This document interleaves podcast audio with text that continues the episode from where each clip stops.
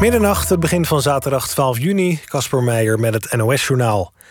Nederland heeft het Verenigd Koninkrijk bestempeld tot zeer hoog risicogebied. Vanaf dinsdag geldt er een quarantaineplicht voor reizigers uit het VK... vanwege de Delta-variant van het coronavirus die daar rondgaat. Ook wel bekend als de Indiase variant. Ook Bangladesh, Pakistan, Myanmar en Nepal zijn vanaf dinsdag zeer hoog risicogebied. India staat nu al op die lijst, net als Zuid-Afrika en veel Latijns-Amerikaanse landen. De G7-landen moeten 50 miljard euro beschikbaar stellen voor coronavaccinaties in niet-westerse landen. Dat zegt de Europese directeur van de Wereldgezondheidsorganisatie in Nieuwsuur. Hij noemt het pijnlijk dat westerse landen al nadenken over het vaccineren van kinderen, terwijl er nog genoeg landen zijn waar bijna niemand een prik heeft gehad. De G7-top is afgelopen dag begonnen in Engeland. In Kesteren in de Betuwe is een dode gevallen bij een ongeluk met een toek-toek, een soort brommertaxi.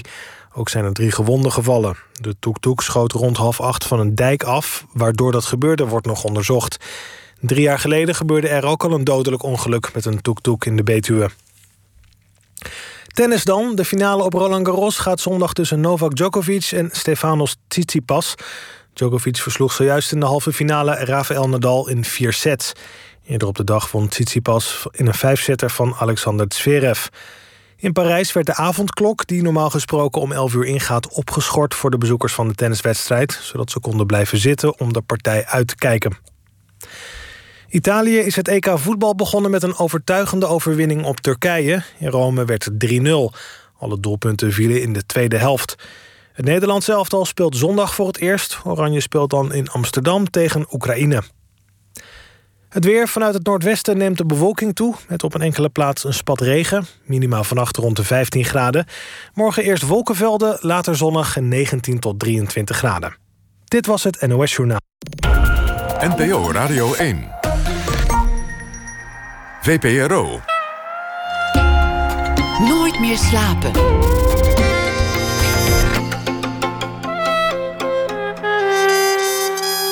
Met Lotje IJzermans. Goedenavond. Mijn gast van vanavond heeft haar leven geleid samen met Sientje, Quasi, Grijsje, Juti, Charlie, Ploppy, Stuiver, Pinky, Bobby, Louis, Bozy zonder E en Bozy met een E. Allemaal katten. Mensje van Keulen is niet alleen schrijver van een omvangrijk en veelgelauwerd oeuvre, maar ze is ook een hartstochtelijke dieren- en met name poezenliefhebber. Daarom moest haar 75ste verjaardag gisteren gevierd worden met de verzameling van haar beste poezenwerk in de bundel Het Kattentheater.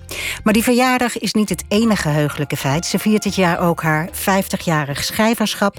En daarom werden haar drie meest recente romans, de laatste gasten Liefde heeft geen hersens en Schoppenvrouw, samen uitgebracht in één band. Mensje van Keulen werd geboren in Den Haag, debuteerde met klassieker Blekers Zomer, schreef talloze andere romans en kinderboeken en ze publiceerde oude dagboeken over haar leven aan het eind van de jaren 70. Tenminste, daar zijn we gebleven. Misschien komen er nog meer. Verder is zij de absolute koningin van het korte verhaal. Schrijft sober, maar heel precies, waardoor de lezer in een paar zinnen een heel leven voor zich ziet. Ze speelt met de verwachting en verrast dan, vaak met een duistere of grimmige wending, terwijl de humor nooit ver weg is. Allereerst van harte gefeliciteerd. 75 jaar gisteren. Ja, dankjewel. Het is een behoorlijk getal. Ja, was het een leuke dag? Ja, het was bijzonder. Uh, de uitgeverij had iets georganiseerd uh, in verband met de presentatie voor, uh, van het Kattentheater. Mm. Natuurlijk in, he, op kleine schaal, ja. dus zoveel mensen per vierkante meter. Dus er waren niet zoveel mensen, maar je, het was toch weer voor het eerst onder de mensen zijn. Dus ja. was wel bijzonder. En bovendien heel mooi weer en in een tuin. Dus ja, en wat ze ook gedaan hebben, wat erg aardig was, dat heb ik vandaag ook opgehaald, is van alle medewerkers van de uitgeverij die een kat hebben, en dat was werkelijk bijna iedereen, slingers opgehangen. Dus allemaal foto's van iedere medewerker met zijn kat. Of poes, kato of poes. Okay, nou. Was geweldig. Um, het, het, is een goede binnenkomer. We hebben gewoon het uh, afgelopen half uur al zitten praten over katten. Uh, we gaan niet met uh, Geert Wilders bellen over katten. Dat slaan we even over.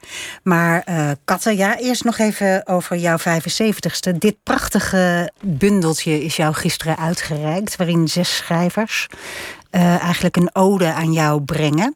Uh, Barbara van der Pol, Marja Pruis, Kees van Kooten, Ninja Weijers, René Appel en Maarten het Hart. En uh, René Appel schrijft iets over wat jouw stopwoordjes zijn. En die je dus ja, dit interview niet moet gaan bezigen. Hij kan zo aardig analyseren. en ik was heel erg verrast. Want het zijn inderdaad lofredes. Maar hij, hij belicht ook een andere kant. En wel de volgende. In mijn werk doe ik het niet, maar als ik geïnterviewd word, dan schijn ik aardig wat stopwoordjes te gebruiken.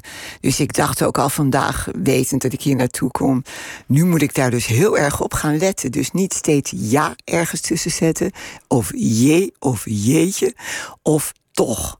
En ik vind ook als ik aan het schrijven ben of als ik een boek lees of in de krant, dan zie je het ook veelvuldig, dat iemand het woord toch gebruikt en dan kan het heel zwak juist staan. Ja. En hij haalt echt een alinea aan. Nou, een alinea, wel een paar alinea's waarin ik dat in zes zinnen dat vier keer noem. Ik denk, hoe heb ik dat ooit over mijn lippen kunnen krijgen? Terwijl je zo precies bent als schrijver, ja, maar ieder woord telt. Ja, maar dat doe je natuurlijk in rust in je kamer. Ja. Hè, en dan, uh, ja, dan ben je zorgvuldig maar uh, ja, als je geïnterviewd wordt, dan moet je soms ineens nadenken en ja, niet boos worden op de interviewer of geïrriteerd of niet weten wat er nou bedoeld wordt. En dan moet je onderwijl toch wel nadenken. Ja. Dan is de kans groot dat je een stopwoord nou, gebruikt. Van mij mag Geloof dat ik tot op heden nog niet één heb gehad. Jawel, ja, heb je een paar keer gezegd. Oh. Oh ja? Ja. Van mij mag je ja, toch, jeetje, je mag allemaal dit okay. uur. Je bent gewoon helemaal vrij. Um, uh, je vorige bundel was, ik moet u echt iets zeggen, een geweldige bundel. Ik heb er ontzettend van genoten. En uh, hij is natuurlijk ook uh, bekroond met de Maarten Biesheuvelprijs voor het beste korte verhalenboek van dat jaar. Um, in elk verhaal zitten dieren. Vleesloos eten, vrachtwagens die naar de slacht rijden, halal geslacht vlees, een nare man die in de vleesindustrie werkt, een lieve poes, een doodgestoken hond. Maar allemaal heel onopvallend. Ja, altijd terloops. In al mijn werk is dat hoor.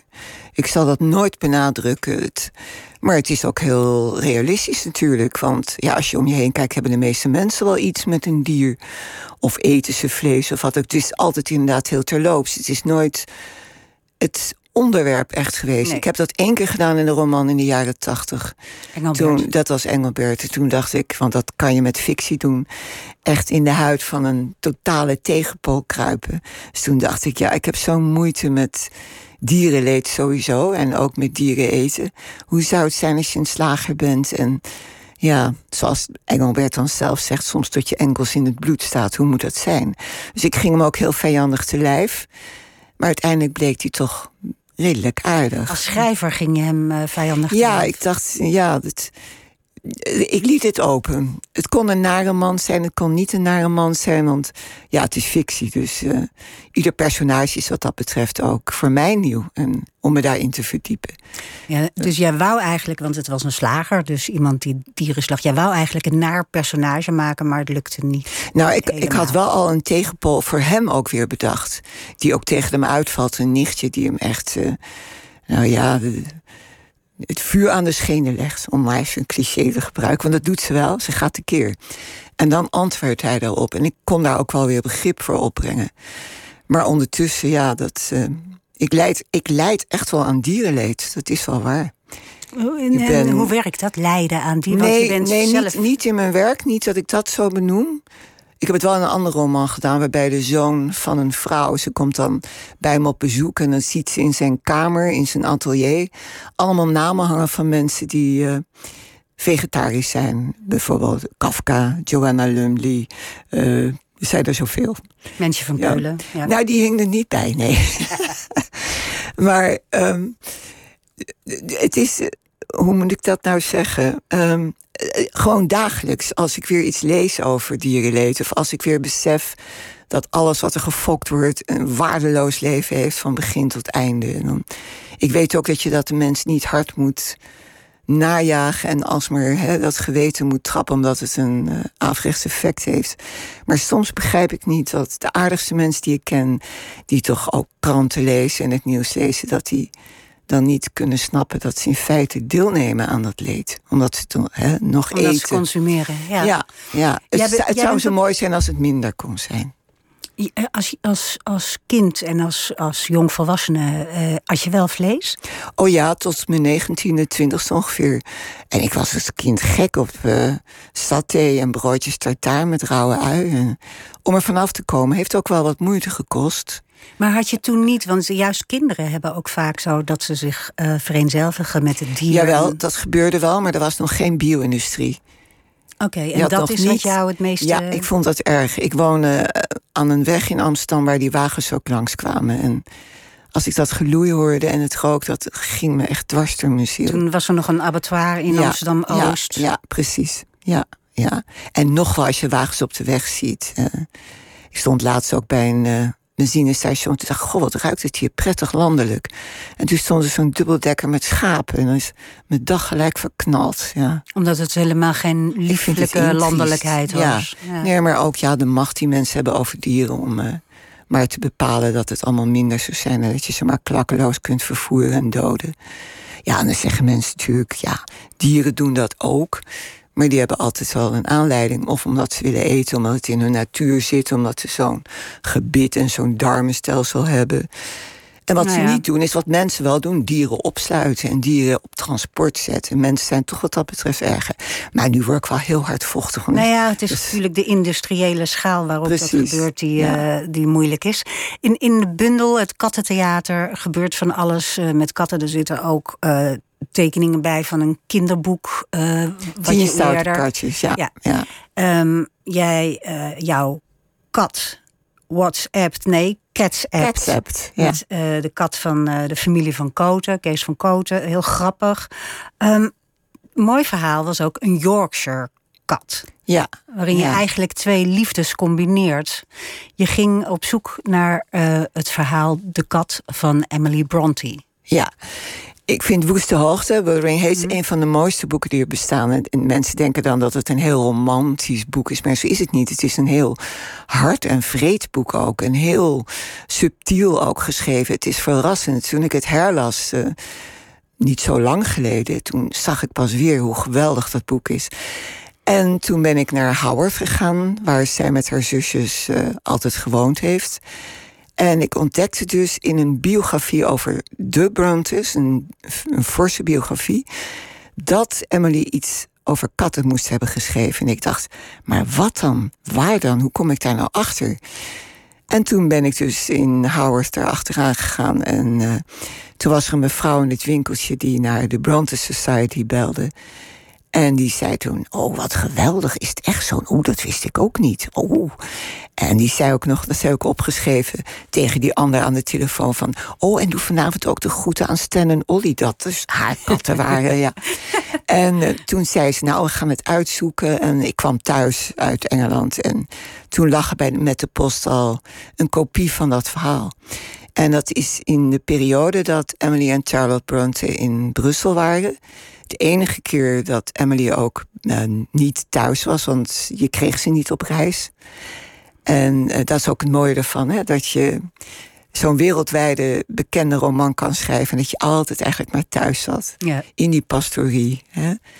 Eh, maar in die korte periode in Brussel heeft ze dus als oefening in het Frans Le Chat, de cat, de kat, geschreven. En het is maar een heel klein essay en daarin houdt ze een pleidooi voor de kat. Wat natuurlijk in die, ja wat was het, 1845, 46... in die tijd was de kat helemaal niet zo geliefd. Sowieso een huisdier was natuurlijk eh, niet zo populair als nu. Maar zij had een hond en ze hield ook van katten en ze hield ook van oh, vogels en van alles. En ja, toen ik dat zwak ontdekte, kon ik alleen maar eh, nog meer om haar geven. En, en dat verhaal, de kat, eh, daarin eh, zeg jij aan het eind, als je dat gelezen hebt, je zou kunnen zeggen dat Emily als een schuwe kat een afkeer had van mensen. Maar je kunt aan die eigenschap evengoed een ander woord geven, namelijk inzicht. Ja, wees maar gewaarschuwd voor dat soort. Ja. Ja. nou, dat laat ze ook wel weten van. ehm, in dat kleine stukje weet ze duidelijk te maken dat bijvoorbeeld een moeder wiens man uit jagen is. Hè, dat ze ook al vreselijk vindt. En die heeft dan een zoontje, die moeder. En dat jongetje komt aan met een vlinder in zijn hand die die helemaal verfrommelt. En dan zegt ze, en wil je dan de kat nog iets kwalijk nemen? Hè, daar komt Ja. het op neer. Ja. En, het is trouwens een heel vrolijk boek hoor, verder, vind ik. Ja, ik vond het ook een heel vrolijk boek, maar ik vond dit wel heel interessant. Ja, ja omdat ik uh, wist dat jij heel erg van, de, van Emily Bronte hield en van dat boek. En dat zij dan daarover iets geschreven heeft en dat je dat dan zo opgestuurd kreeg met nog een pond in. in ja, in, munten erop Ja, omdat je te veel had betaald. Ja. Heel lief. Ja. Nee, dierenliefhebbers. Ik heb altijd het idee, ik, ik hou ook heel erg van mijn kat. Maar ik heb ook al wel eens het idee dat mensen die echt superveel van dieren houden, dat die ook mensen een beetje wantrouwen. Nou ja, in het geval van Amir Blunt is het zeker zo. En nou, ik heb dat ook wel eens, ja. Zeker met het ouder worden, omdat ik zie dat er, dat er nog heel veel niet helpt. Wat mensen er ook over zeggen en doen. En je hebt natuurlijk ook een kant die ja, die, hoe moet ik het zeggen, die wat overdreven kan zijn. Eh, waar wat mensen zitten die behoorlijk uh, getikt of licht gestoord zijn en die misschien wat te ver gaan. Maar de idee dat dieren zoveel minder zouden zijn of dat dieren geen doodsangst zouden kennen, en die, daar zijn ook veel mensen die dat denken. Dat je het gewoon maar mag gebruiken. Vaak komt dat uh, ja, in, in religieuze boeken voor. Hè? De dieren mag je gebruiken. Ja. En ik vind dat niet dat zo. Bedoel je, bedoel je nu ritueel slachten? Nee, ook, maar ook eten en zo gewoon misbruiken. Hè? Op alle mogelijke manieren. Omdat, omdat de mens daar ver boven verheven zou zijn. En ik weet niet of je zomaar een schepsel kan doden. Ik, ik, ik heb heel lang geleden al een keer geschreven, ook over jagers. En ik herinner me één enkele zin: wie doden wil, deugt niet. Nou, het is een behoorlijk zware zin. dat was in verband met jagen ook hoor. Ik dacht, ja, nou ja, ik lees natuurlijk ook wel eens mensen die dat gaan verdedigen en dat het allemaal zo moet en zo. Ja, maar ja, hoeveel aangeschoten wild er rondloopt. En uh, als ik daaraan denk, dan. Uh, word ik ook al akelig. Ja. ja, al, die, al die dieren die in je verhalen en in je boeken voorkomen. Ik noemde net al de poezen die jij hebt gehad in je leven. Was je leven anders geweest zonder die poezen? Behoorlijk veel saaier, ja. Want elke keer als ik vroeger ook met honden hoor, bij ons thuis. Als er van een dier afscheid genomen werd, dan was ik, was ik kapot. En dan dacht ik, nou, dit wil ik nooit meer meemaken, ik neem niks meer. En dan bleek het leven zo saai. Want het is ja, zo'n klein warm wezen. Ja. En inderdaad, het, uh, het bedriegt niet. Het, uh, het is eerlijk. Ja. Het heeft toch een paar eigenschappen die mensen niet altijd hebben. Maar ik heb niet een hekel aan mensen. Ja, ik kan bij tijden, tijd en wijle wel eens een hekel aan hebben. Als ik zie hoe ze zich uh, ja, misdragen. Niet alleen tegenover dieren natuurlijk, maar tegenover mensen en tegenover kinderen vooral. He, ik bedoel, ga niet doen of het allemaal lievertjes zijn. En als ik zie hoe ze met de aardbol omgaan, he, de klakkeloosheid, ja, daar word je wel somber van. Wie niet? Maar er is geen reden om niet uh, iedere dag iets te zien uh, wat erg grappig is. Hè? Waar, waar je om kunt Precies, en dat tekent jou ook wel dat je toch met een soort lichtheid daarnaar kijkt. Um, een van de andere onderwerpen die heel veel in je werk voorkomt, is het huwelijk. Oh ja? ja. Nee, er is inderdaad ook een bundel geweest. Um, Huwelijksverhalen? Ja, mijn gepensioneerde uitgever heeft toen gezegd... nou, er komen inderdaad wel wat huwelijk in voor... laten we die verhalen eens bundelen. Dus die bundel heette toen Huwelijksverhalen. Ja, maar ook in je, in je laatste uh, bundel die ik net noemde. Hè, ik moet u echt iets zeggen. Daarin zitten, gaat het vier keer over een huwelijk. Waarin je met één pennenstreek eigenlijk al weergeeft... hoe uitgesleten die paden tussen die mensen zijn. Ja. Als lezer krijg je het uh, ontzettend benauwd van, van die kleine typeringen... waardoor je precies begrijpt hoe het zit. En in, in al die gevallen is eigenlijk de vrouw degene die zegt laat ik maar. kap ermee. Ik kap ermee. Ja. Dat, dat uh, is wel nieuw, toch? Dat die vrouwen ook echt initiatief nemen en weggaan in jouw, in jouw ja, het, het, het, is waar dat me vroeger wel eens werd verweten... dat ik het altijd alleen maar van mannen opnam in mijn boeken. Maar zo is het niet echt. Het, het is een verhaal dat zich aankondigt... en of dat personage nou een man of een vrouw is, doet er niet toe.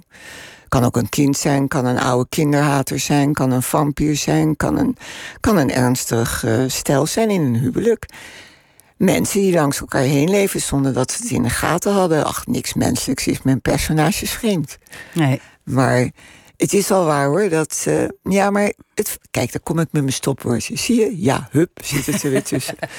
um, um, ze kunnen elkaar het leven natuurlijk behoorlijk zuur maken. De een kan de ander bedriegen. De ander kan wraak nemen. Het gaat er in die verhalen natuurlijk toch altijd wel om dat er een zekere spanning moet zijn. Van wat gaat er gebeuren? Wie haalt wat uit? Wordt er nog iets gewroken? Hoe loopt dat af? En ja, soms ben ik zelf ook verrast als ik zie hoe het afloopt. Ik weet het ook wel eens van tevoren, want je denkt altijd heel goed na voor je aan een verhaal begint. Maar het toch kan soms de klap die iemand uh, toeleent wat heviger uitpakken dan ik had gedacht. Ja, dan ben je zelf ook verrast door, het, door het soort wraak wat er genomen wordt. Ja. Ik, ik, wil het straks nog even verder hebben over, over jouw personages en hoe je verhalen tot stand komen. Maar uh, um, je hebt een boek geschreven, De olif Olifanten in. Op een web. Op een web. Uh, over uh, je moeder vooral. Hè. Het is een ode aan je moeder, maar het huwelijk van je ouders komt daar stevig in voor eigenlijk. Kun je je moeder beschrijven? De reden waarom ik dat boek schreef was omdat ze van het ene op het andere moment uh, was, het dood was. En mijn zus belde op uit Spanje. En ik schrok zo vreselijk. Ik sprong uit mijn bed en ik, ik heb ook hardop gezegd... maar ik ga over je schrijven. En ik zal ook gelijkertijd wraak nemen op de vrouw om wie pa je verliet. Heb ik dus ook gedaan. Um, wat mij heel erg overviel toen was dat ik zo goed, nog scherper besefte dan in die jaren daarvoor wat voor iemand ze was, omdat ze altijd zo vreselijk hard had gewerkt. En het ogenschijnlijk simpelste werk door bij andere mensen schoon te maken.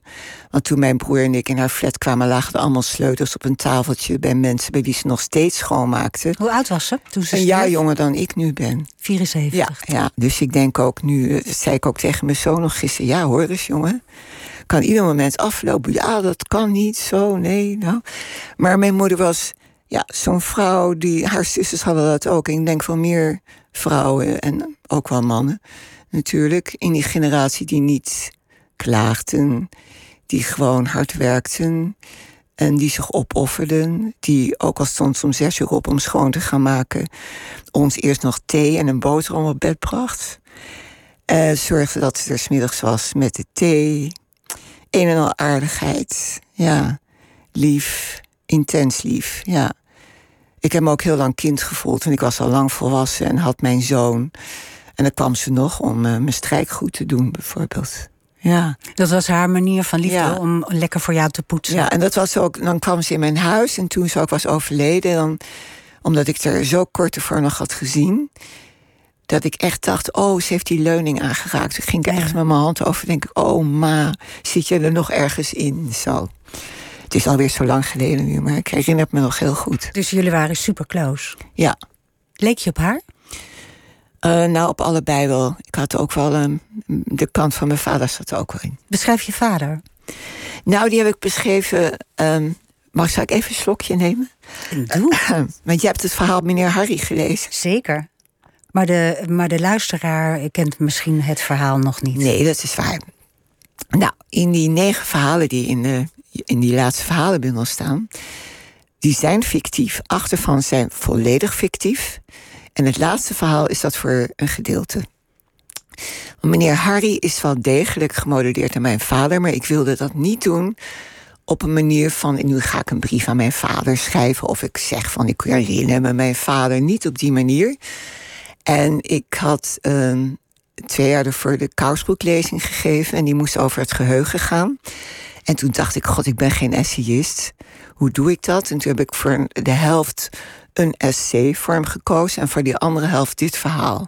Dus dit voor een groot deel fictieve, maar ook niet echt fictieve verhaal. En toen dacht ik, ja, mijn vader verliet mijn moeder uh, voor een andere vrouw. Uh, ja, hij vond haar lekker, laat ik het zo maar zeggen. Hè? En die vrouw die vond dat hij zijn kinderen moest ontkennen, dus ik heb hem heel lang niet gezien. En op een gegeven moment had hij een hersenbloeding en toen kon ik niet meer met hem praten. Toen heb ik hem gezien, omdat zijn vrouw niet in de buurt was en mijn broer en ik hem konden bezoeken. En dat is eigenlijk het enige wat ik nog weet. En ik was als kind stapelgek op hem. zorgde ook altijd dat ik goede cijfers op school haalde. Dat soort dingen, zodat hij trots kon zijn. Hè, wat menige dochter wel doet en zo.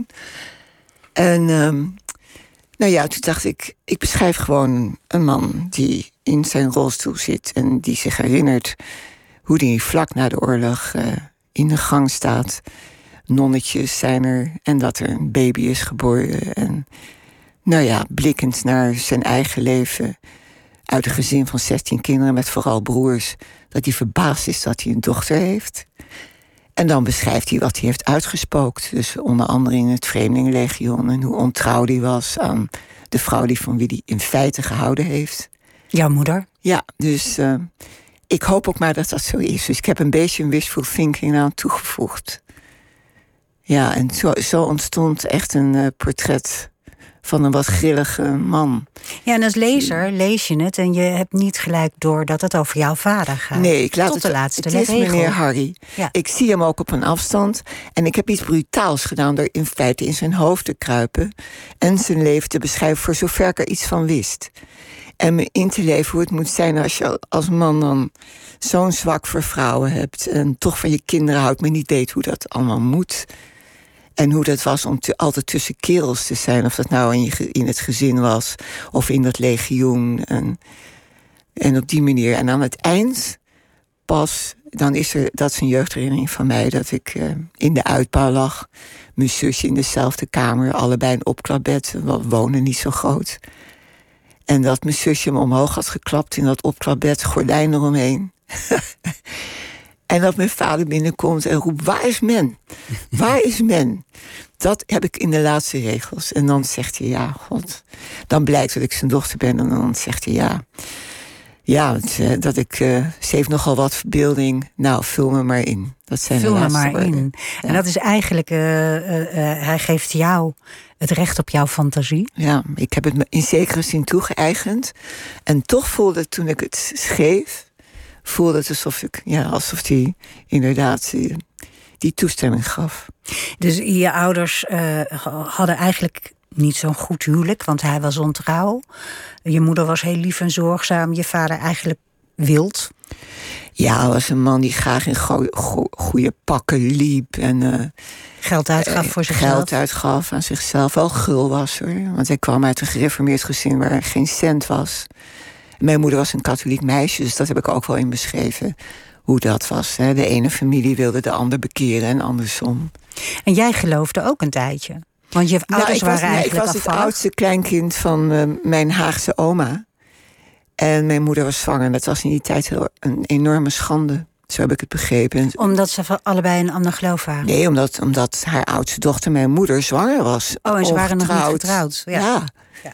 En dat van, uh, ja, van uh, zo'n man die uit het legioen in, daar in dat straatje een kamer huurde. En dan uh, ja. gepakt werd. Dus die moesten trouwen. En ze, mijn, het schijnt dat mijn oma zo verschrikkelijk razend is geweest. En dus ook geëist heeft dat als dat eerste kleinkind, dus ik dus, geboren werd, dat dat gedoopt moest worden, omdat ze anders mijn hoofd zou afsnijden. dus ik ben met lichte horror al uh, begonnen. Nou, maar je, je, vond het ook fijn om te geloven, toch? Of, of, of ik oh, weet zeker, niet... zeker. Ik heb ook helemaal geen narigheid ondervonden in die katholieke kerk. Niet bij de nonnen. Nee, niks. En ik vond, uh, ja, als je in. Heb ik het woordje ja, oh jee, oh jee, René. Um, oh jee, jee, mocht ja, ook niet. dat toch? Oh, oh, nee, dat zeg ik toch niet. ook nee, nee. Um, in de kerk zitten heb ik ook wel aan gedacht. En dan zie je, toch, kijk je weer naar die kruisigstaties met al die. Ja, ik vond dat verschrikkelijk. Ja, het kan best van invloed zijn geweest. Ik denk het wel. En ja, God, de katholieken zijn niet bijbelvast, maar je kent natuurlijk wel de bijbelverhalen en die zijn ook uh, behoorlijk hard. Ja, die vreedheid ook. Ja. Uh, uh, maar wat ik begrepen heb, geloof je, geloofde jij net zo goed in vampieren en duivels als in God. Het was gewoon meer de fantasierijkheid van het geheel. Of, of zie ik dat verkeerd? Ik denk dat dat aardig samenvalt. Ja, dat, dat, ja, dat, ja, het magische. Ja. ik had een hele vrolijke jonge tante, jonge zus van mijn moeder, die ook wat stout was. En die, die nam me ook al heel vroeg mee naar nachtclubs. Op haar hakken was ik 12 of 13. en cafés in. En die bracht ook allerlei ja, rock'n'roll muziek in huis. En had een man die aan het varen was en zo. En die bracht zoveel binnen. Maar ook bijvoorbeeld naar vampierfilms ging. En dan hoorde ik daarover en dacht ik, oh, dat bleef ook allemaal hangen. Zo, oh, dat bestaat dus ook nog. Die hele wereld van het onbekende. En in zekere zin raakt het ook wel iets aan hel en hemel. Ja. Ja. ja. Um, uh, ja uh, je vader had een paar boeken. Begrepen? Nee, in de kast stonden niet zoveel boeken. Nee, dat klopt. Ja. Maar eentje van Hitchcock? De verhalen die Hitchcock koos. Ja. Dus dat waren horrorverhalen. En Edgar Allan Poe, ja. En dat zijn toch ook twee boeken die ik als jonge tiener las. Ja, die wel van invloed zijn maar geweest. dat soort dingen was dus. eh, Je zei net over je tante, van die was ook een beetje stout. Dat impliceert eigenlijk dat jij ook stout was. Nou Ehm, ja, ik weet niet of mijn moeder wist dat ze me meenam naar nachtclubs en films boven de 18. eh. weet je wel, met een beetje ook weer haar hakken aanstrompelen erop, maar haar een beetje naar voren. En dan een film zien met de titel bijvoorbeeld als Het vlees is zwak. En dan ben je 11 of 12. Toptitel. je, je, die, je, dus al dat soort dingen hadden gewoon invloed op jou en op jouw fantasie. En eh, hoe oud was je toen je je eerste verhaal schreef? Oh, ja, ik, ik heb dat in Olifanten beschreven. Dat, ehm, dat ik dat al heel vroeg gewoon altijd in bed vertelde. Hè, mijn broertje en zusje. Altijd al verhalen, veel te vroeg naar bed. Ik kon nooit vroeg slapen. En ik ga nog steeds heel laat naar bed, s- s'nachts. En dat zat er altijd al in. Dus oh, het was een ramp. Dus dan ging ik maar verhalen verzinnen. Daar ligt eigenlijk de kern. Ja. Dus als mensen ook wel eens vragen wanneer je besloot uw schrijver te worden, kan ik geen antwoord op geven, echt. Want Je was het het eigenlijk was altijd. er. Ja, en dan ga je gedichtjes schrijven en je gaat eh, spookverhaaltjes schrijven. En een van mijn eerste verhalen was. eh, en ik, ik weet niet of ik dat in de schoolkrant heb gehad, maar het zou kunnen. Over een professor die van zijn vrouw af wou en die eh, in het bad en die een middeltje ontdekt. En dat gooit hij dan in het badwater. En dan gaat ze erin zitten en dan krimpt ze en dan verdwijnt ze door de afvoer. Dat was een van mijn eerste verhalen. Dus dat had altijd al dat een macabere randje, dat, dat hoort gewoon Of heel erg bij jou. Of spannend. Ja. Ja. Ehm, je ouders, hoe, toen ze scheiden, hoe oud was jij toen? Nee, was ik al lang volwassen hoor. Oké, dus je, Ja, je nee, kindertijd want- waren ze Ja, nee, mijn samen. vader zei toen, eh, eh, ja, die nare zin van... Je bent 25 jaar mijn huishoudster geweest en hebt me drie kinderen geschonken. En daarmee vertrok hij. En hoe reageerde je moeder? Ja, die, die sterke vrouw die stortte in. Ja. Ik weet nog dat het toen de scheiding was, dat ze een mantelpakje had gekocht, maar toen hij kwam niet opdagen. Ook zoiets. Dat is ook wel echt heel Dat erg heel dat hij niet op kon dagen. Ja, en toen ontstond er ook wekenlange slapeloosheid en een psychose en moest ook opgenomen worden. Dus verdriet kan er erg inhakken. Heb je je vader vergeven? Ja, omdat het, een, zoals veel mannen, een zwakke man was.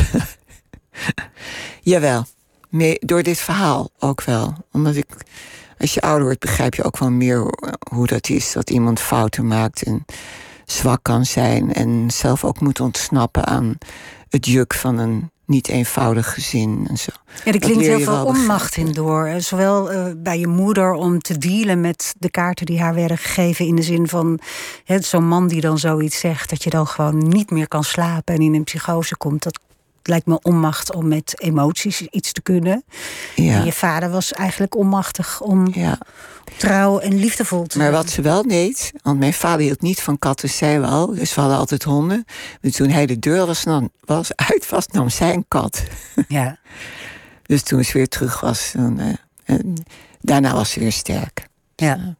Nou ja, iedereen heeft uh, Ja, God, inzinkingen ja. in zijn leven. Ja, ja. Ja. ja, en ik ben nooit zo heel erg van eh, de psychische kant benaderen en alle zwaktes en zo hoor. Dat, eh, in verhalen, dat niet, geloof ik. Nee, dat is juist het bijzondere aan jouw verhalen. Dat alles op een soort terloopse manier wordt verteld. En er niet een enorme ehm, lezing wordt gegeven over hoe het gekomen is. Maar het is. En eh, het is Mm. logisch. En, eh, Ja, het Te kan, begrijpen. kan soms in een paar zinnen, kan je even iets hoe, duidelijk hoe begint het, een kort verhaal bij jou?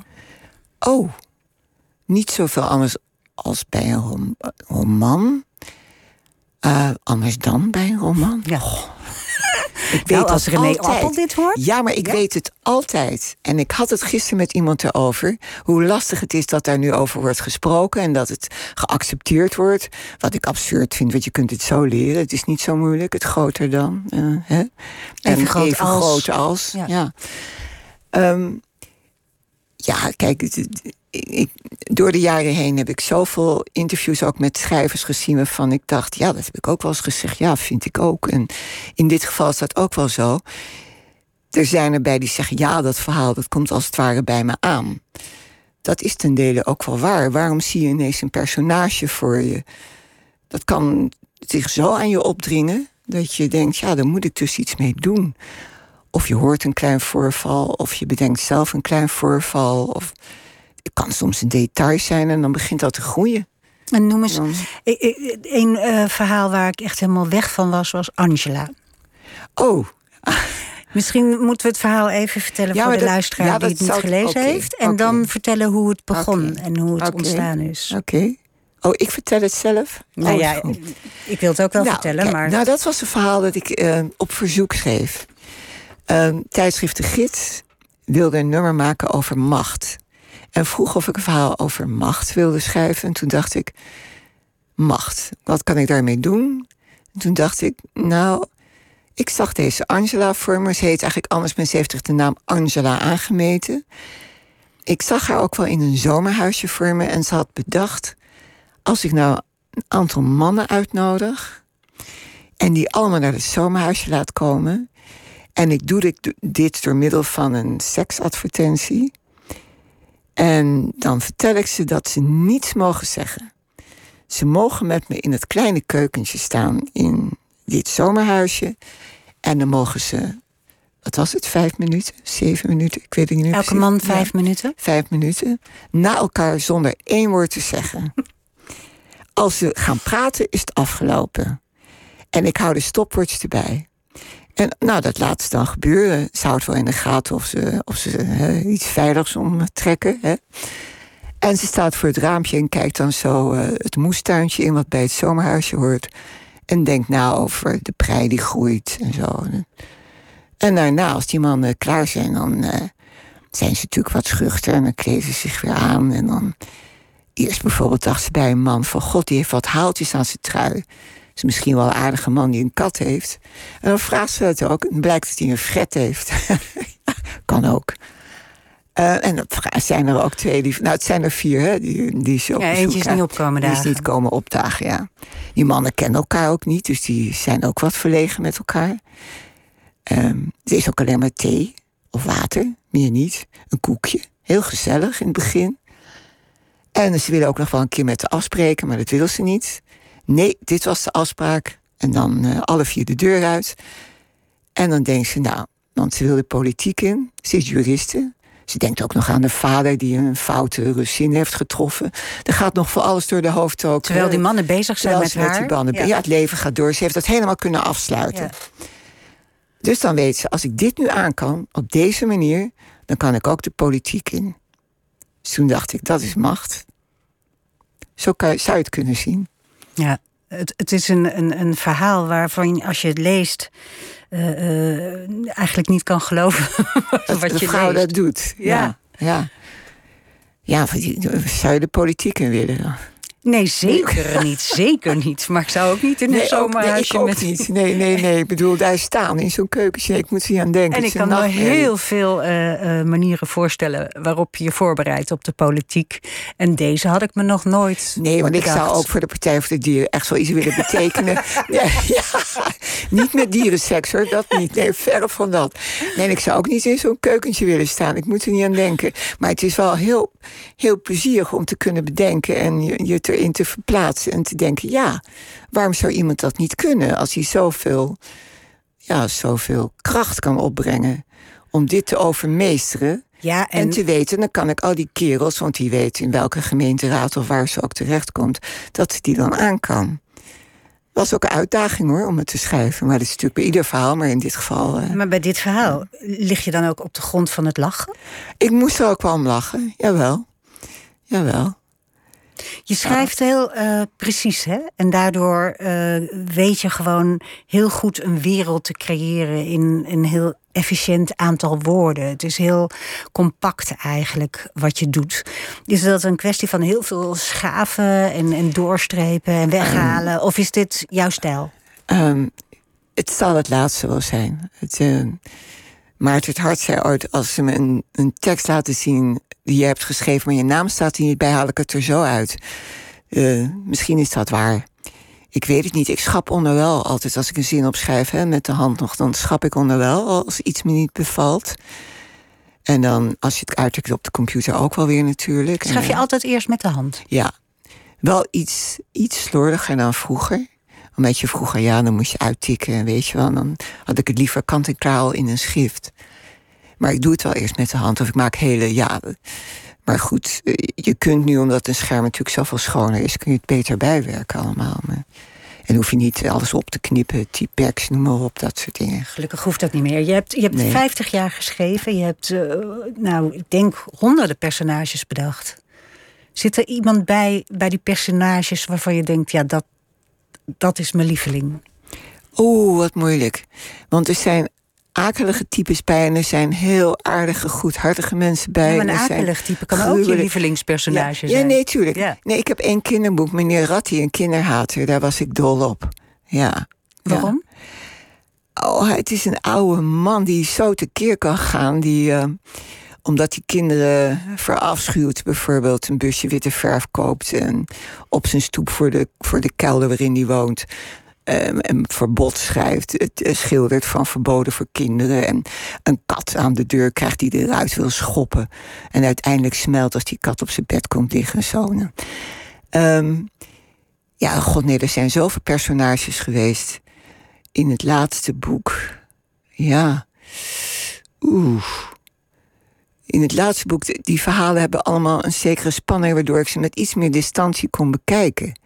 Klinkt misschien heel raar, want het is heel anders wanneer je, wanneer je non-fictie schrijft. Hè? Wanneer, je, wanneer, zoals ik over mijn moeder heb geschreven, bijvoorbeeld. Of dat ene verhaal over je ja, vader. Ja, of als ik mijn dagboeken uittikte, wat ik met lange tanden deed, dan, oeh, dan kom je ineens zelf tevoorschijn.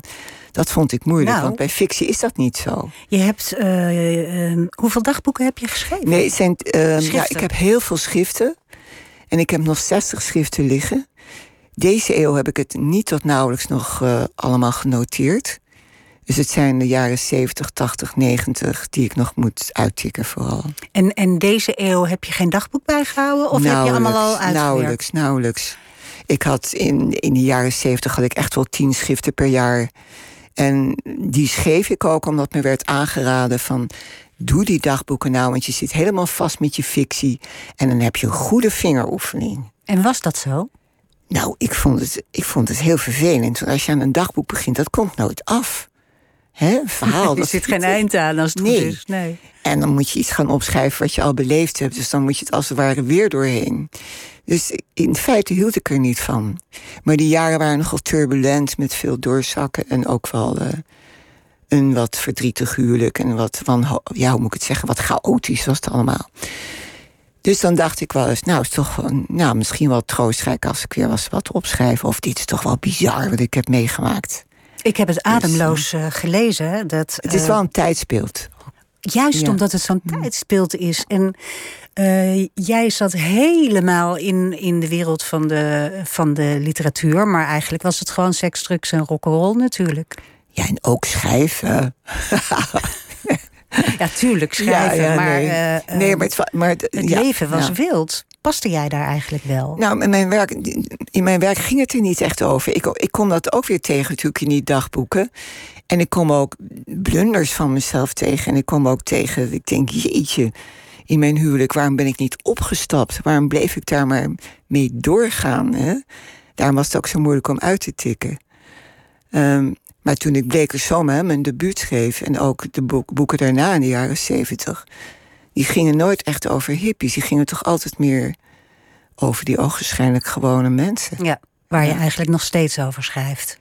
Ja, ik kies sneller voor de underdog. Ja. ja. Omdat hij het over het algemeen toch zwaarder heeft. Maar als ik, zoals je zegt, al die personages overzie... dan hebben ze toch ook heel uiteenlopende beroepen. Ja. Ja. Maar wel een soort uh, uh, gewone beroepen. Mm, slager is niet echt gewoon. Ja, vind ik wel. Vind je? Ja, slager, Met bakken, een bebloede sloof over straat lopen. Ik vind dat niet zo gewoon. Dan dacht ik ook altijd, als iemand nou wist dat die man iemand gekild had... dan zouden mensen gaan gillen. Maar omdat ze weten dat het bloed is van het dier... loopt iedereen er langs. Ja. Dat heb ik altijd vreemd gevonden. Ja, maar toch, het is gewoon... Kijk, jij vindt het niet leuk, maar het is, het is wel gewoon een ambacht en een vakman. Ja, maar Ehm, zo gewoon is het niet. Je moet maar kunnen doden. Ik vind, mensen willen niet allemaal hun dier slachten in een slachterij. Die zijn blij dat het allemaal in het verborgene gebeurt. maar, maar Anders zouden ze niet meer eten. Dat is wat Coetzee schrijft, wat geweldig is. Zet een glazen abattoir midden in een stad. En laat zien wat er gebeurt. Mensen zullen hun hoofd afwenden. ja, Ja, denk Ja. het ook. ja. En zo gewoon is dat beroep niet. Nou, en er komt ook eh, een psychiater in voor. Is ook niet echt gewoon. Nee. Eh, nee. eh, nou ja, wat ik net zei, die personages in kinderboeken zijn natuurlijk helemaal bizar. Of bizar. Je moet wel geloven, ze moeten geloofwaardig zijn. Wat, Ja. hoe, hè? Jouw werk is heel geloofwaardig. En eh, wat me ook heel erg opvalt in die korte verhalen, ehm, dat je de lezer nooit onderschat. Je vindt niet dat je heel veel uit moet leggen. Je denkt, nou, die lezer die, eh, die snapt dat wel, eh, die ene zin, waarin eigenlijk alles verklaard wordt of duidelijk wordt. Dat, dat hoop ik, ja, dat hoop ik. Ja, ja ik, geloof, ik geloof ook wel, ja. Heb jij het alles gesnapt? ja, god. ja, nou, soms denk ik ook wel, misschien lukt het me ook niet gewoon om uit te wijden, omdat ik het zelf dan zo saai vind. Om het nog eens te maar als je benadrukken. boeken van anderen leest die wat minder efficiënt zijn, vind je het saai? dan heb ik wel de neiging om iets over te slaan. Maar kan- je kan natuurlijk ook een dik boek hebben... Wat, wat wel degelijk heel spannend is in iedere regel. Maar mensen zeggen ook wel eens... ja, je korte verhaal had je van een kort verhaal een roman kunnen maken. Zo is het niet. Je, kan dat, hè, je zou het qua gegeven wat er gebeurt... zou je dat kunnen doen. Maar dan krijg je wollig taalgebruik... en dan ga je herhalen en dan krijg je stoplappen en zo. Dit, nee, Nou, dat past gewoon helemaal niet bij, bij jou. Om daar Nee, een maar misschien, vuistdikke... ik kan het ook niet een vuistdik boek schrijven. Nee. Kijk, nu die drie romans in één band, dat is nog eens een lekker dik boek. hè? ja.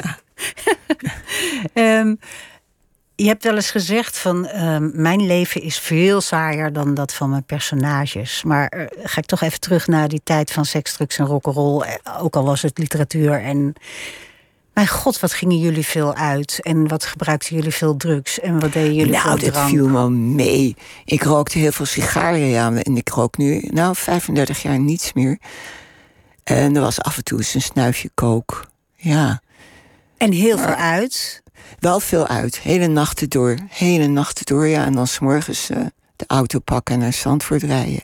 Of op de Zeedijk belanden en dan... Oh, dat vond ik ook leuk om te luisteren naar Una, Paloma, Blanca. Jij deed alles met de auto, ook in de stad. oh, het Leidseplein was zo ver. Ja, toch? En nu loop ik het gewoon in 10 minuten. Ja. Ja, en je parkeerde ook op het Leidseplein. Ja.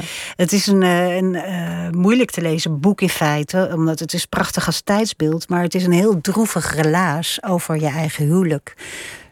Dat huwelijk wel, maar verder is ook nog wel wat luim, geloof ik. Ja. er zit ook wel wat luim in nog. Want het was niet alleen maar droefenis. Maar het was, het, daarnaast was er ook wel een leidensweg. Dus het was ook wel goed hoor, om af en toe flink te stappen. Hoe was het om dat terug te lezen en om Nou, jezelf... dat, dat was erg moeilijk. Kwam ik het weer tegen en dacht ik, oeh, wat een stom wijf, zo, zoiets. Oeh, hoe kun je het toch zo doen? Heb je het Ja. eh, geredigeerd? Ik heb de herhalingen weggehaald, omdat ik dacht, dat heb ik een paar dagen geleden al opgeschreven. Er waren ook stukken in die ik niet meer kon lezen, omdat ik 's morgens waarschijnlijk toch nog wat te beneveld was van eh, wat ik had gedronken. dus dat heb ik, kon ik gewoon niet meer lezen. Dat heb ik wel gedaan. Ja, en als eh veronderstel dat ik grote als had geschreven, wat ik waarschijnlijk niet heb gedaan, dan zou ik dat verbeterd hebben. Of te veel eh, toch? Ja, ja, ja, ja. ja. ehm, Maar ja, bij spreektaal kan je dat natuurlijk wel doen, hè? Ik heb veel dialogen in mijn boeken. Als mensen er zo spreken, ja, dan sta je dat natuurlijk toe. En, en de stijl past zich ook wel aan aan de personages. Ik heb bijvoorbeeld één roman over twee zusjes. En die hebben een moeder en die moeder die haalt een vriend in huis. Die noemen zij de beestenman. Hij heeft een winkeltje ook in dierenvoer en aanverwante artikelen. En die man vinden ze ook vreed en ze willen van die man af. En ze brengen hem ook om zeep. Maar die toon in dat boek is heel anders, omdat een twaalfjarig meisje deze geschiedenis vertelt. Dus dan, ik merk nu ook dat zich op een of andere manier natuurlijk dat dan aanpast. Ja. Ja. ja. Um, die, die dagboeken, uiteindelijk is je huwelijk uh, uit elkaar gevallen. Um, is ook een manier om grip te hebben, lijkt me, om die dagboeken te schrijven. Je zegt dat je in, in deze eeuw nog geen dagboeken hebt geschreven. Is je leven heel rustig geworden? Um, nou, ik, ik mopper heel wat af dat ik het niet rustig vind en dat ik het erg druk vind. En waar ik nu ook wel last van heb, omdat mensen me er nu ook zo echt met de neus op drukken van jeetje, 75 ben je dat nou echt al? denk, dat heb ik nu vandaag en gisteren nu al zo vaak gehoord. En dan besef ik, jee, hoeveel jaar heb ik nog? Dat is niet zoveel meer misschien, hè? Nou, ik kan toch ook mijn moeder overleefd, mijn, mijn oma, de zusters van mijn moeder zijn allemaal jonger overleden. Zo op één na. Maar denk ik, jeetje, en dan, dan krijgt het gevoel van dat je druk hebt of veel te doen hebt. Dat je denkt, ja, um, waar liggen de prioriteiten? Ik wil nog het een en ander maken. Waar liggen ze? Nou, nog schrijven, schrijven. ja. Maar ook bij mijn kleinzoon en mijn zoon natuurlijk. En mijn man. En, ik bedoel, het persoonlijk leven heeft sowieso voorrang. Want als er iets is in een familie of hè, mm verdriet of vrolijkheid, ja, dan neem je daaraan deel. Sociale leven houdt natuurlijk ook niet op. maar er is ook een sociaal leven dat ik wel eens denk: wat doe ik hier aan tafel? Ik wou ook in mijn werkkamer zat. Dat is wel ook vaak voorgekomen. Uh, als je dan zo 75 bent, hoe, hoe kijk jij terug op uh, de afgelopen 75 jaar? Ja, is een beetje een uh, te grote vraag eigenlijk. Maar ja, eh, ik, tenminste, ik kan. Ik ben nog niet die leeftijd, maar ik kan wel zien eh, wat een beetje mijn pad was, zeg maar. Over eh, welke dingen ik echt heel moeilijk vond en, en wat ik overwonnen heb en waar ik mee blijf hangen of zo. Heb jij dat? Dat je zo naar jezelf kijkt? Of vind je dat ook al te psychologisch? Nou, ik kijk nooit zo naar mezelf. En het verbaast me ook, en dat heb je steeds meer kunnen zien deze jaar, dat mensen zo bezig zijn met identiteit en een wortels waar mijn wortels liggen en zo. Dat dat heb ik niet zo nauw. Ik vind het vervelend ook vaak om over mezelf te praten. Ik luister liever naar een ander. En dat is misschien ook wel inherent aan het feit dat je personages wil scheppen. Ja. Um, als ik dan terug. Vind je dat iets van deze tijd, die identiteit? Nou, dit wordt je behoorlijk inge, ingeduwd, echt, ja. Nou ja. Elke tijd heeft natuurlijk zijn eigen uh, kenmerken. Zoals de jaren zeventig leek, leek mij echt eigenlijk wel een afschuwelijke tijd. Nou, het, het, met die, met die vrije moraal die je maar moest. Vrije, dat, dat was niet altijd even plezierig. Nee, er kon behoorlijk wat kapot doorgaan. Maar er was wel een, er was wel, ja, maar er was wel een acceptabel het LHBTQ. Dat was er niet, want je was het of niet en dat maakte niet uit. En dat nu zo benadrukken, daarvan vrees ik wel eens dat het wel eens mensen kan irriteren en dat je daarmee een averechts effect bereikt. Ik begrijp dat mensen daarvoor opkomen, maar het moet niet je eerste etiket zijn. Het, gaat, het blijft er toch altijd om gaan om wat je doet. Ja, wie je bent.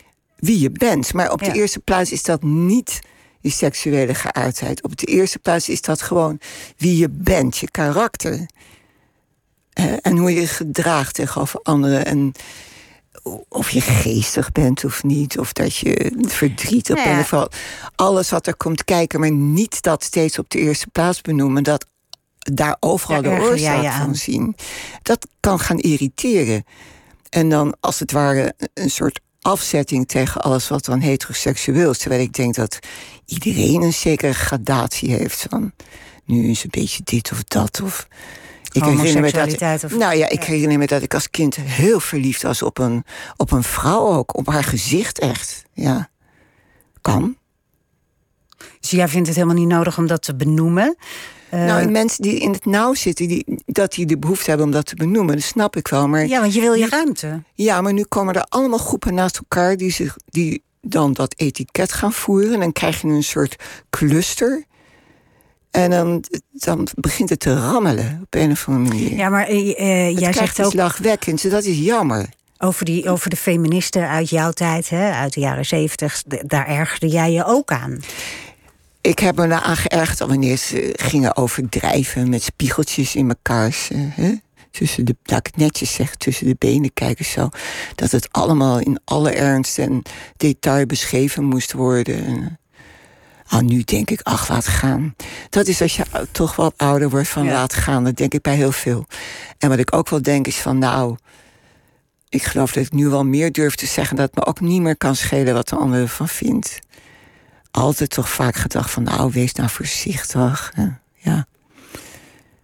Uh, was je dan bang om andere... bescheidenheid een van de grootste deugden. En die lijkt ook wel een beetje verdwenen.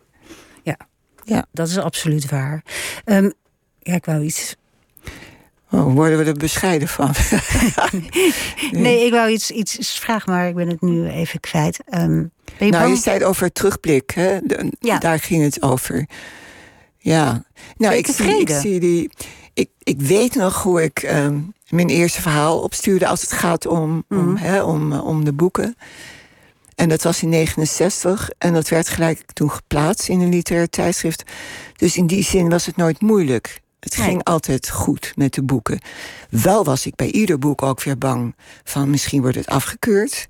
Ook omdat ik nooit iemand iets liet lezen of nooit iets vertel onderwijl hè, wat ik maak.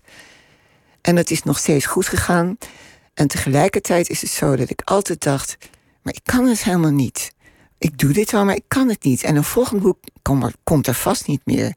En als ik dan terugblik, dan denk ik: jee, ja, al die titels dan, dan is het soms of ik het niet begrijp of naar een ander kijk. Alsof je mhm. je opsplitst. Ja. ja. En zo is het ook wel een beetje ik aan het werk ben hoor.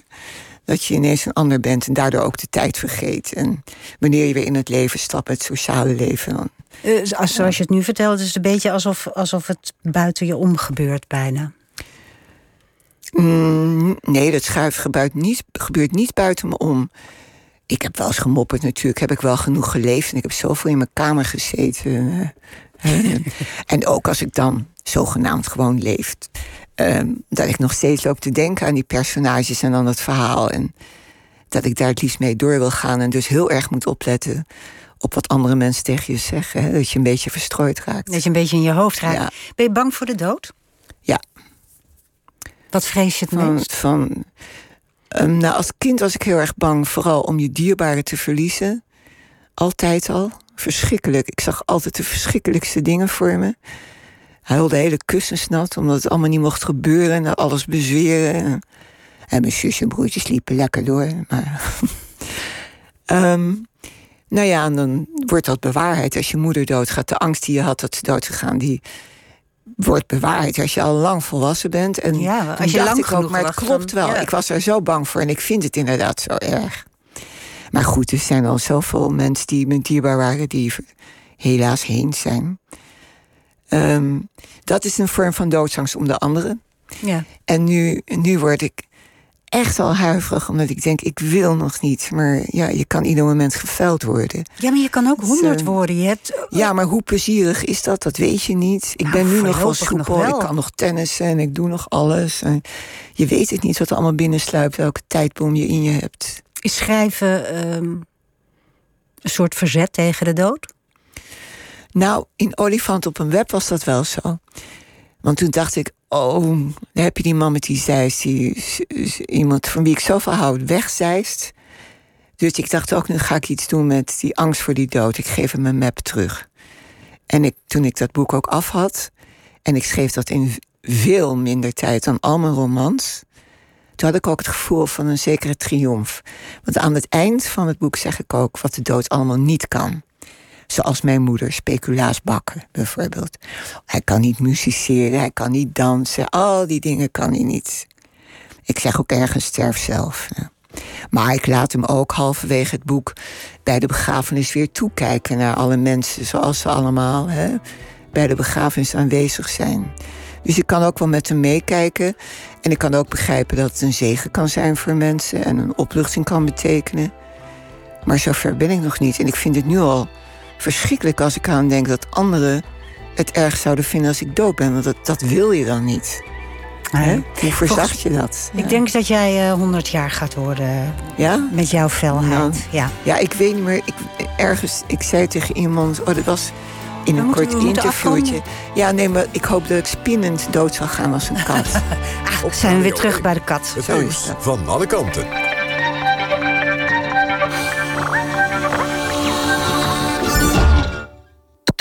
NPO Radio 1.